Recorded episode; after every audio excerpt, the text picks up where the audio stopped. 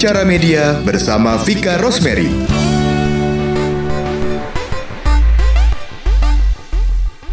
Halo, saya Vika Rosemary, praktisi radio selama 20 tahun. Saat ini saya siaran dan menjadi program director di 103.8 Bravo Radio. Ini adalah podcast tentang media. Jadi saya akan mengundang para praktisi di dunia media, baik media konvensional maupun media digital. Dan kami akan membahas mengenai seluk-beluk media, perkembangan media dari mulai era 20 tahun yang lalu sampai sekarang.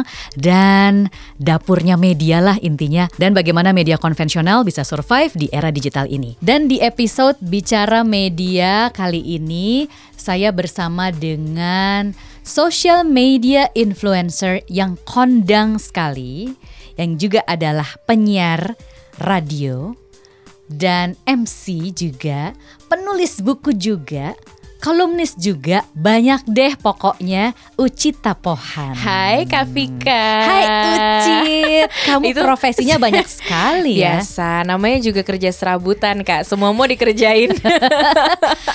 Tapi secara spesifik, uh -uh. aku tuh pengen tanya soal uh, itu tadi social media influencer. Kamu tuh yeah. lebih ser, lebih suka dipanggil lifestyle influencer atau social media influencer? Sebenarnya sih sama aja ya. Kalau dibilang hmm. lifestyle influencer, social media influencer, kalau menurut aku justru kalau uh, itu kan cuman kayak apa ya sapaan dari orang-orang oh. lah ya. Oh. Tapi kalau aku sendiri ketika aku memperkenalkan diri uh -uh. untuk uh, apa namanya pekerjaan aku yang satu itu aku selalu bilangnya aku seorang content creator sih. Content creator. Ha -ha, ngomongnya gitu kalau aku. Apalagi itu content creator creator.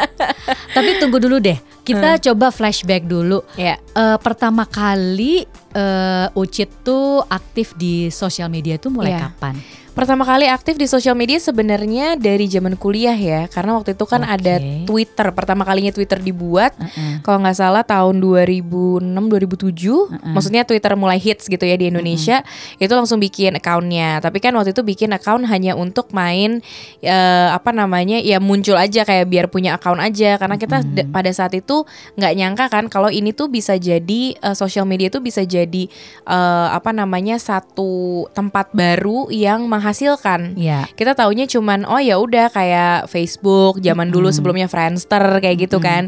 Nah, pas udah mulai uh, main Twitter setahun dua tahun, kemudian uh, mulai siaran di Hard Rock FM. Mm Pada saat lagi training siaran itu dibilangin bahwa waktu itu mentor aku Panji sama Iwet. Mm mereka bilang e, gimana pun juga seorang penyiar radio itu sebaiknya e, punya kanal lain untuk diakses sama orang. Oke. Okay. Jadi bukan cuma bisa didengerin di radio aja, tapi orang ketika buka internet ngetik nama gitu ya, Ucita gitu, mereka bisa e, datang ke e, apa namanya landing page yang yang tepat gitu. Okay. Jadi pada saat itu aku akhirnya bikin blog. Oke. Okay. Supaya ketika orang googling nama Ucita atau pengen Pohan, tahu nih penyiar hard rock yang ini suaranya orangnya yang mana sih? sih? Uh, nah, mereka akan langsung masuk ke blog aku, blog oh, pribadi. Jadi itu tahun berapa ya? Itu 2008. 2008. Mm, okay. 2009 lah, 2009 awal. Mm, mm, mm. Gitu. Jadi mulai blogging, terus udah gitu tetap main sosial media juga. Twitter. Twitter pada saat mm. itu Instagram belum ada. Okay.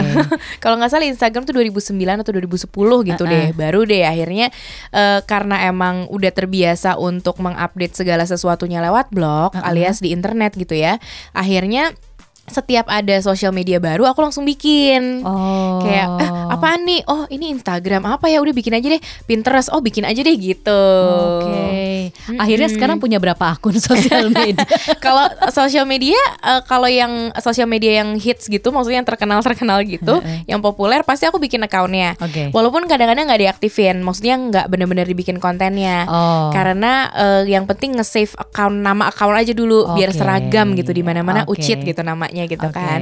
Nah, uh, tapi kalau yang sekarang aktif dan uh, apa namanya tetap aku pakai sih paling utama sih sebenarnya Instagram ya. Mm -hmm. Blog tetap ada untuk uh, ngupdate informasi tapi nggak uh, terlalu update juga akhirnya oh, gara-gara oh, okay. gara-gara uh, semenjak ada Instagram sih segala sesuatu lebih gampang uh, segala konten tuh lebih gampang dibuat ya dan interaksinya juga bisa langsung dapat orang dari komen apa segala macam tuh lebih real time. Okay. Jadi akhirnya uh, blog uh, tetap ada tapi jarang diupdate update, kemudian Twitter juga masih dipakai. Okay. Lebih lebih ke buat nyari-nyari informasi real time gitu okay. dan ngebagiin info real time juga. Okay. Terus YouTube, aku punya channel YouTube juga, tapi uh, apa namanya nggak rutin nggak uh, rutin di update-nya. Jadi okay. YouTube tuh lebih ke pada kalau misalnya ada video-video yang emang aku mau upload tapi aku nggak punya show khusus kayak youtuber gitu nggak. Oke. Okay. Uh -uh. Jadi Terus, yang paling aktif sekarang paling ada aktif Instagram. Instagram sih saat ini. Instagram. Mm -hmm. Nah, uh, berapa lama prosesnya? Jadi gini, waktu di awal bikin sosial media kan mm -hmm. tadi seperti yang Ucit bilang adalah mm -hmm. ini menjadi kanal supaya yeah. orang kenal uh -uh. sama waktu itu penyiar, penyiar uh, behind the scene atau dunia yes, lainnya dunia gitu lainnya. ya melalui sosial media. Benar. Tapi kan lama kelamaan uh, komunikasinya jadi dua arah Bener. dari yang cuman ngasih opini atau informasi satu arah kan jadi dua arah dengan yes. followers. Mm -mm. Itu prosesnya gimana, Cit? Uh, prosesnya sebenarnya akhirnya karena emang trennya gini, kalau di blog itu pertama kali emang kita lebih ke searah ya yeah. tadi dibilang ya.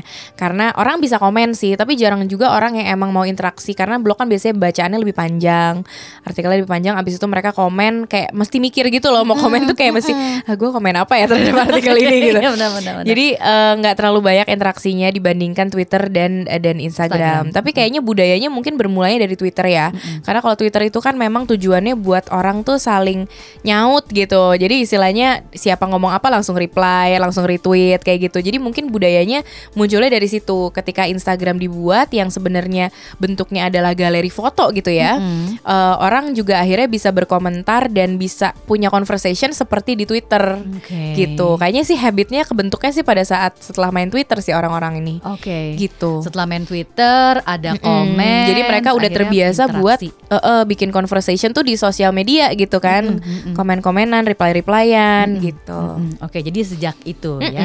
Nah, uh, kemudian untuk menjadi seorang influencer atau content creator mm -hmm. itu kan juga membutuhkan proses waktu. Mm -hmm artinya meraih kredibilitas mm -hmm. atau supaya reputasi mm -hmm. supaya akhirnya orang percaya atau klien percaya supaya produk gue ini di endorse aja mm -hmm. sama Ucit. Mm -hmm. Itu gimana caranya waktu? Um, kalau aku sih sebenarnya lumayan rada apa namanya kecemplung ya. Jadi masuk ke apa namanya content creating dan menjadi seorang uh, influencer itu hampir agak lumayan gak disengaja gitu. Tapi ketika akhirnya kesempatan itu datang, karena kan awalnya kan main sosial media uh, yang membuat aku beruntung ada di di apa namanya ekosistem sosial media ini. Menurut aku karena aku mainnya duluan.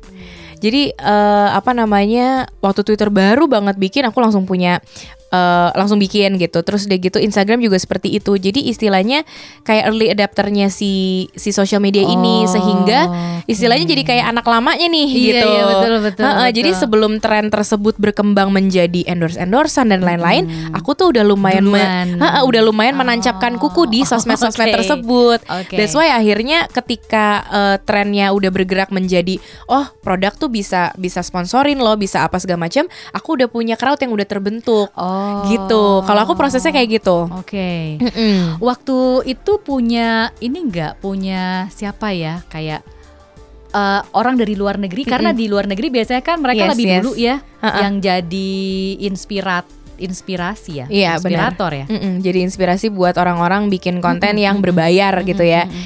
uh, kalau dari luar negeri aku follownya lebih ke uh, apa namanya blogger-blogger sih awalnya ya, mm -mm. sama uh, beauty beauty vlogger, beauty blogger yang bikin konten tentang beauty, terus mereka nyobain makeup baru. Dulu tuh awal-awal banget ada Michelle Fan namanya, mm -mm. itu pertama kali yang aku uh, follow. Terus udah gitu ada Do Dear juga yang sampai akhirnya dia bikin uh, produk makeup sendiri gitu. Lebih ke ke beauty sih, lebih ke beauty influencer sih yang aku follow. Oke, okay. mm -mm. nah misinya apa, Cit? Mm -hmm. Waktu kemudian akhirnya uh, udah punya followers banyak, yeah. udah punya crowd kebentuk, mm -hmm. kamu udah bisa kayak menginfluence orang-orang. Yeah. Akhirnya bikin kayak satu misi nggak? Nih misi buat sosial media gue, nih konten sosial media gue. Uh, misinya akhirnya menjadi apa ya?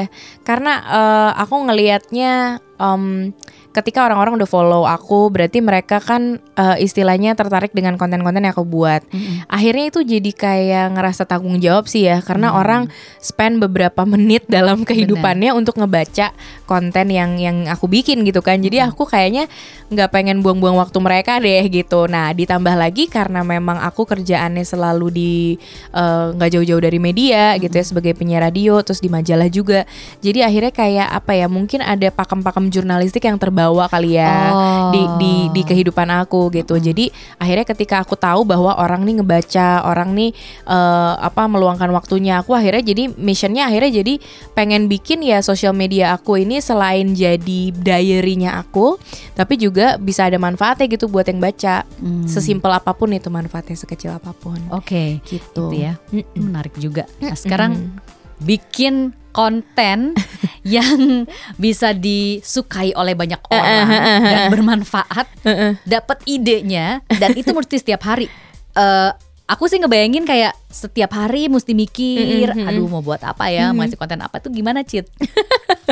karena uh, apa ya kalau aku sih basicnya karena tadi aku bilang diary ya mm -mm. dan itu yang aku tampilkan itu adalah sebenarnya kehidupan sehari-hari juga mm -mm. walaupun of course beberapa uh, apa namanya beberapa postingan atau beberapa project pasti memang ada hubungannya sama klien gitu mm -hmm. ya maksudnya project bersama dengan klien mm -hmm. jadi aku ngelihatnya uh, bukan sesuatu yang uh, apa ya memusingkan juga sih untuk untuk dipikirin nggak jadi jadiin beban gitu hmm, karena kalau misalnya berpikirnya selalu uh, adalah ini nanti konten engagementnya kayak gimana ya hmm, hmm, ini hmm. nanti orang suka nggak ya ntar hmm. orang bakal komennya gimana ya hmm. gitu kalau mikirin kayak gitu terus akhirnya terlalu banyak batasan sehingga kita nggak bisa jadi diri kita sendiri gitu istilahnya uh, personality kita sebagai seorang content creator juga akhirnya nggak bisa keluar gitu dan okay. jadi kalau buat aku sih itu jadi malah kurang menarik ya. Oke. Okay.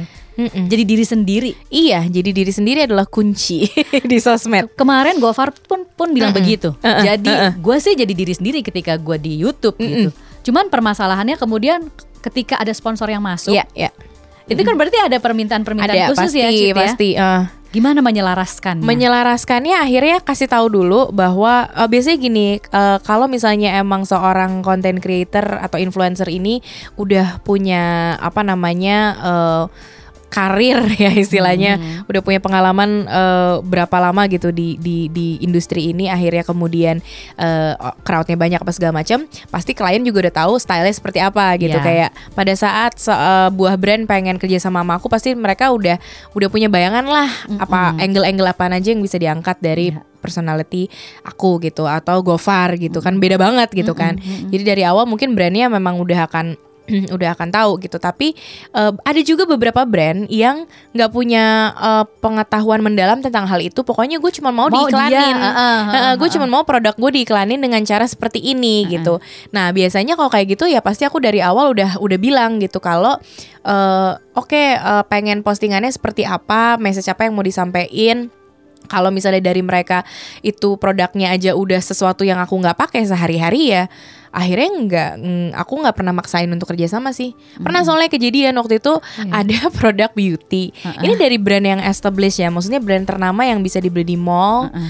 Uh, mallnya juga yang high end gitu uh -uh. ya produknya mahal lah istilahnya produk uh, premium brand lah dia uh, punya produk yang ininya whitening oh. uh, apa namanya um, yang mau dikampanye sih produk whiteningnya aku hmm. bilang pada saat itu uh, sorry ya mbak kayaknya kita uh, kerjasamanya next aja produknya hmm. karena kalau untuk produk yang ini aku nggak kayak bingung nih mau yeah. promoinnya dari angle dari mana yeah, yeah, nomor yeah, yang yeah. pertama kulit gue coklat dan dan gue ngapain promoin produk whitening gitu. Yang kedua, aku juga nggak pengen memutihkan kulitku.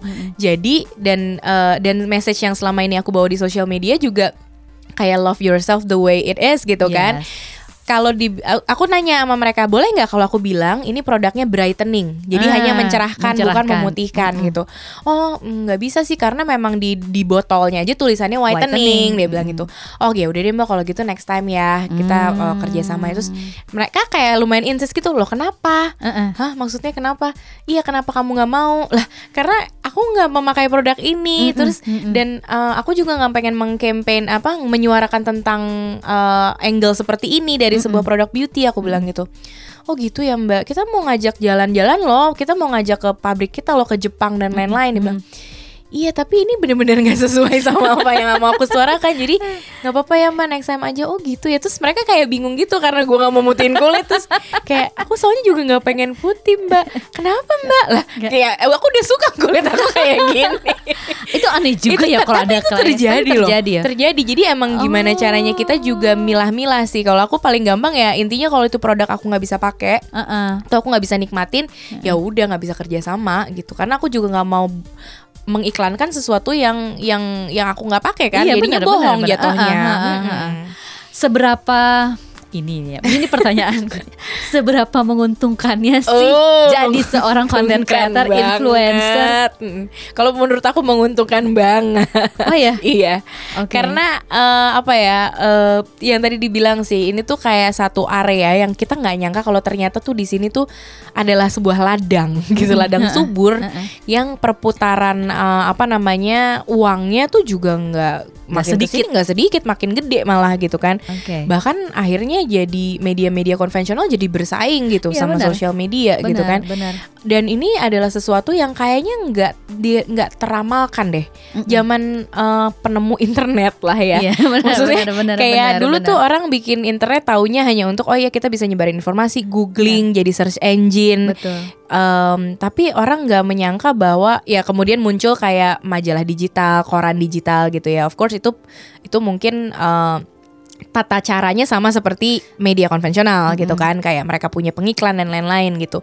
Eh, ad banner lah lain-lain. Tapi kalau orang iya, perorangan benar, benar, benar. terus cuman lewat Facebooknya lewat Twitternya lewat Instagramnya bisa dapat uang tuh ini hampir nggak diramalkan sih. Nggak. Makanya sekarang banyak orang yang kemudian pengen jadi Pengen, influencer kan. iya. kayak di Instagram itu banyak yang ngiklanin makanan Bener, bener, bener, dan lain bener. sebagainya. Bener.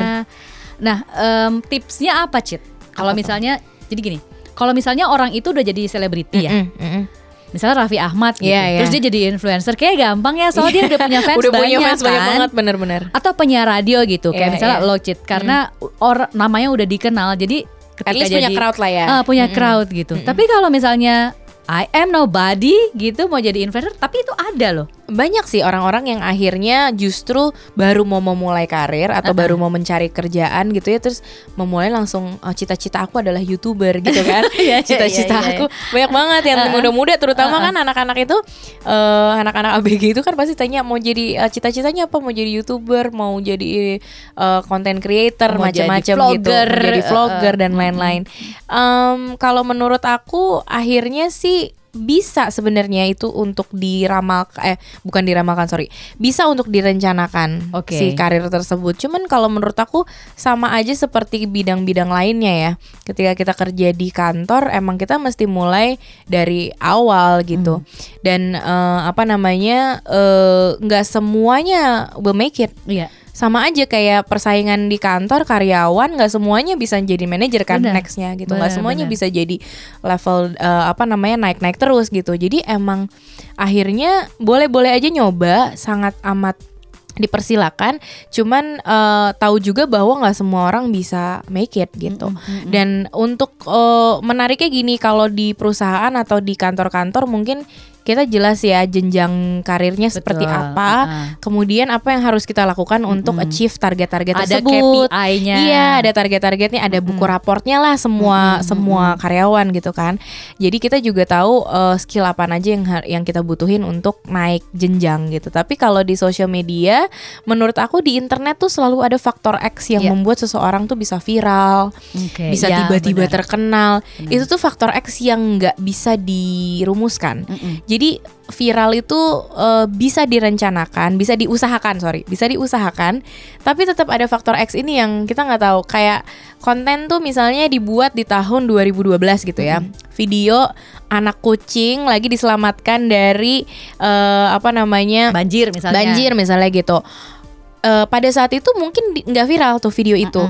Tapi kayak dua tahun kemudian entah kenapa gara-gara ada satu orang yang nge-share tiba-tiba dia viral. Mm-mm. Itu tuh sesuatu itu faktor X banget Iya, kan gitu. benar, Kita nggak akan pernah bisa benar, benar. "Heeh," gitu. dulu juga sempat ada iklan ingat nggak uh, dua tahun yang lalu kalau nggak salah di Mas Jai mm -hmm. bikin iklan es krim uh -uh. yang dia memang uh, usahakan untuk viral jadi itu video di apa namanya uh, bikin lucu banget mm -hmm. videonya yang kayak parodi dari uh, apa sih parodi dari tayangan-tayangan sejarah gitu. Oke. Okay. Ya, parodi dari tayangan sejarah gitu jadi iklan es krim. Lucu videonya lucu banget. Uh, dan akhirnya menjadi viral karena uh, memang mereka dia pasang istilahnya placement iklan di akun-akun sosial media kayak oh. Nine Gag, okay. terus yang Indonesia versi Indonesia dagelan itu tuh mereka memang pasang dan mm -hmm. bersponsor mm -hmm. dan emang ada tulisannya, mm -hmm. jadi nggak ada yang ditutupin.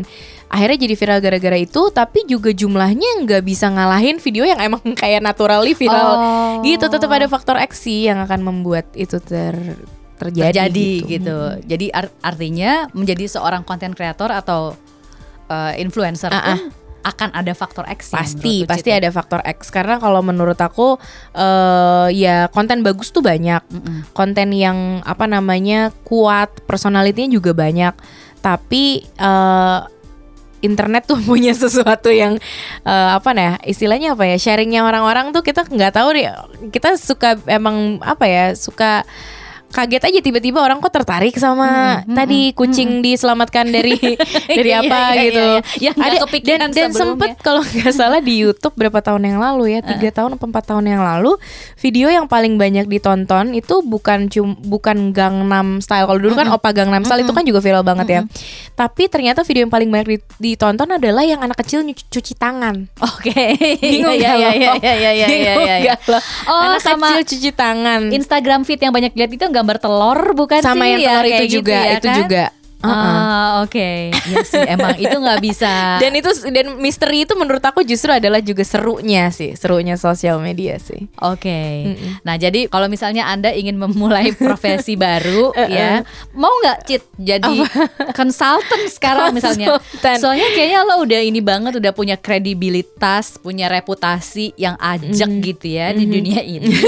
sekarang saatnya mengembangkan karir jadi konsultan. Jadi konsultan nggak tahu sih ya apakah apakah orang-orang butuh konsultasi tentang ini apa enggak. Tapi kalau sharing di kelas-kelas gitu beberapa sih aku suka lakukan juga sih. Biasanya untuk apa namanya uh, apa um, acara-acara yang uh, pemilihan-pemilihan uh, apa namanya blogger gitu-gitu kan suka ada tuh. Nah, jadi aku juga suka sharing tentang hal ini sih dan uh -uh. dan lebih ke apa ya kalau sekarang sih yang aku pengen suarakan adalah emang harus gimana pun juga tetap harus sebaiknya jadi diri sendiri sih kalau maunya nyaman menjadi seorang influencer gitu okay. karena dengan kita nggak berpura-pura uh, konten kita tuh akan terasa uh, Lebih real bener genuine dan dan orang dan salah satu yang paling disukai sama orang-orang di internet mm -hmm. adalah si genuine itu mm -hmm.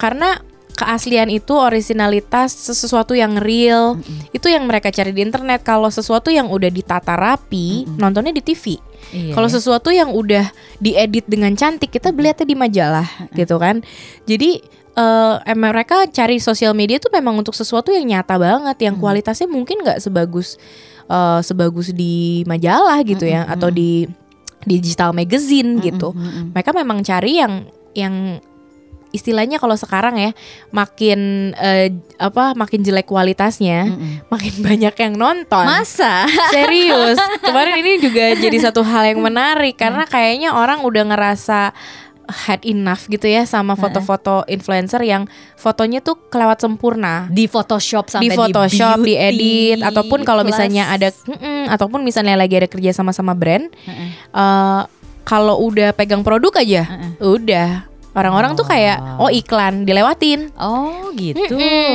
Tapi kalau misalnya videonya cuman foto eh apa uh, fotonya cuma selfie pakai handphone mm -hmm. gitu ya. Mm -hmm ter uh, captionnya apa gitu sesuatu yang emang ngajak gitu mm-hmm. itu akan lebih banyak orang yang interaksi oh oke okay. mm-hmm. bahkan sekarang campaign brand juga nggak mau foto nggak mau kelihatan oh ya gitu iya mereka Jadi, bilang kayak se- foto pakai handphone loh gitu oh original mungkin iya. pokoknya mm-hmm. se apa ya ya sejujur mungkin Ha-ha. gitu ya karena mereka sendiri bilang uh, ada salah satu brand uh, rambut ya mm-hmm. uh, produk rambut yang kerja sama aku mereka bilang di tahun 2018 2019 kemarin mm uh, mereka bikin apa uh, istilahnya mereka bikin uh, aset yang bagus banget untuk poster, untuk ini disebar tuh di sosial media. Hmm, ternyata enggak. iya, iya, ternyata engagementnya engagementnya enggak. rendah. Yang bikin Oh. yang yang ber apa namanya yang berhasil malah adalah video mereka pa- pakai satu influencer eh, yang belanja ke supermarket. Mm-mm. Di supermarket dia videoin Instagram story Oh. dengan goyang-goyang dengan Oh. dengan kamera Yang handphone blur- blur iya sedikit gitu. dia dia cuma bilang gue lagi ngeborong shampoo ini Oh. abis itu shampoo Oh. sampai dua kali stok di bulan itu di seluruh eh, Jakarta Oh gitu. jadi akhirnya apa namanya akhirnya ya itu sih hal-hal yang lebih lebih dekat dengan keseharian disukai. yang dicari Oh, oke. Bagaimana menghadapi haters? Ya. Ini nih. haters tuh kadang nggak perlu dihadapi dicuekin ya. Masa sih? Iya karena eh, again ya itu ya dibilang kan sosial media katanya kan ruang publik ya. Jadi semua orang berhak beropini. Dan kalau misalnya kadang kalau udah terlalu keras eh, apa namanya kalimat atau em, serangan dari dari orang-orang itu dari orang-orang dari haters lah ya Mhm. istilahnya kalau kita eh, bales tuh nggak ada habisnya Iya sih. Heeh, jadi akhirnya Udahlah eh, ya. akhirnya kadang-kadang emang harus dicuekin aja, dihapus aja, di blok udah. Oke. Heeh, simpelnya kayak gitu sih. Itu. Karena kalau misalnya kita jelasin versi kita pun, mereka Akan serang balik balik, lagi dengan karena versi- ya. mereka cuman ingin sebenarnya cuman ingin mem- apa ya kalimat atau opini mereka tuh divalidasi. Hmm. Kalau nggak sama kita berarti sama orang-orang lain sesama haters gitu kan saling oh iya nih emang tuh gini-gini banget gitu. Sebentar ada yang komen lagi, "Iya aku setuju nih sama kamu gini." Mereka tuh cuman butuh validasi itu gitu. Jadi kalau kita nggak pengen conversation tersebut berkembang di di di sosial media kita atau di kolom komen box kita ya hapus aja. hapus aja, Mm-mm, blok It's okay. aja. blok aja, gitu ya nggak usah susah-susah. Iya karena kan kenapa kita nggak nggak harus me- menjelaskan kepada dunia ya apa yang sedang kita lakukan kalau eh maksud gue nih baik tahu maksud gue kan bla bla bla ya itulah apa namanya kalau kata dokter Zeus eh dokter Zeus ya apa sih Eh, beneran those Dr. who Seuss. mind don't matter and those who matter don't mind Don't mind. iya iya akhirnya ujung-ujungnya balik kayak gitu Oke, terakhir pertanyaan Mm-mm, pamungkas. mm-mm. Tiga tips untuk eh, bisa menjadi influencer atau menjadi gini, bukan hanya sekedar influencer tapi konten creator atau influencer yang credible oke dan reputable.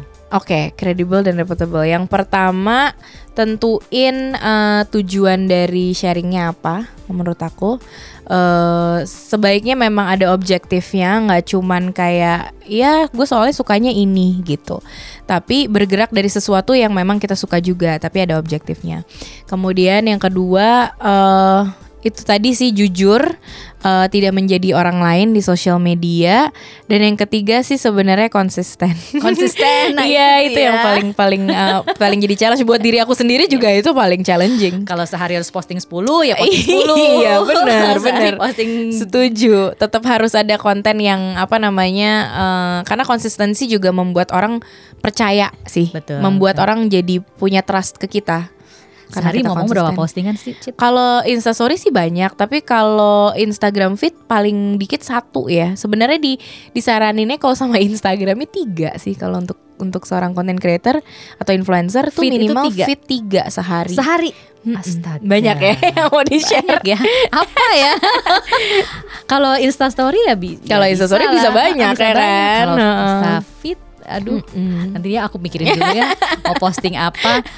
Uci terima kasih Terima kasih banyak. sama-sama. Thanks for having me, Kak. Mudah-mudahan perbincangan kita ini Yes. bisa menginspirasi Mm-mm. pendengar sana yang ingin jadi influencer. Kalau saya sih udah menyerah ya karena eh, bagaimana bikin Insta Story atau Insta TV aja itu saya baru belajar kemarin. Oh gitu. Tapi kan bisa dimulai. udah terlalu gaptek untuk itu kayaknya. Uci thank you sekali lagi Sama-sama. sukses ya. Terima kasih. Nah, eh, untuk mendengarkan episode selanjutnya dan siapa tamu berikutnya, jangan lupa dengarkan terus podcast Bicara Media. Terima kasih sudah mendengarkan Bicara Media bersama Vika Rosemary. Nantikan episode berikutnya.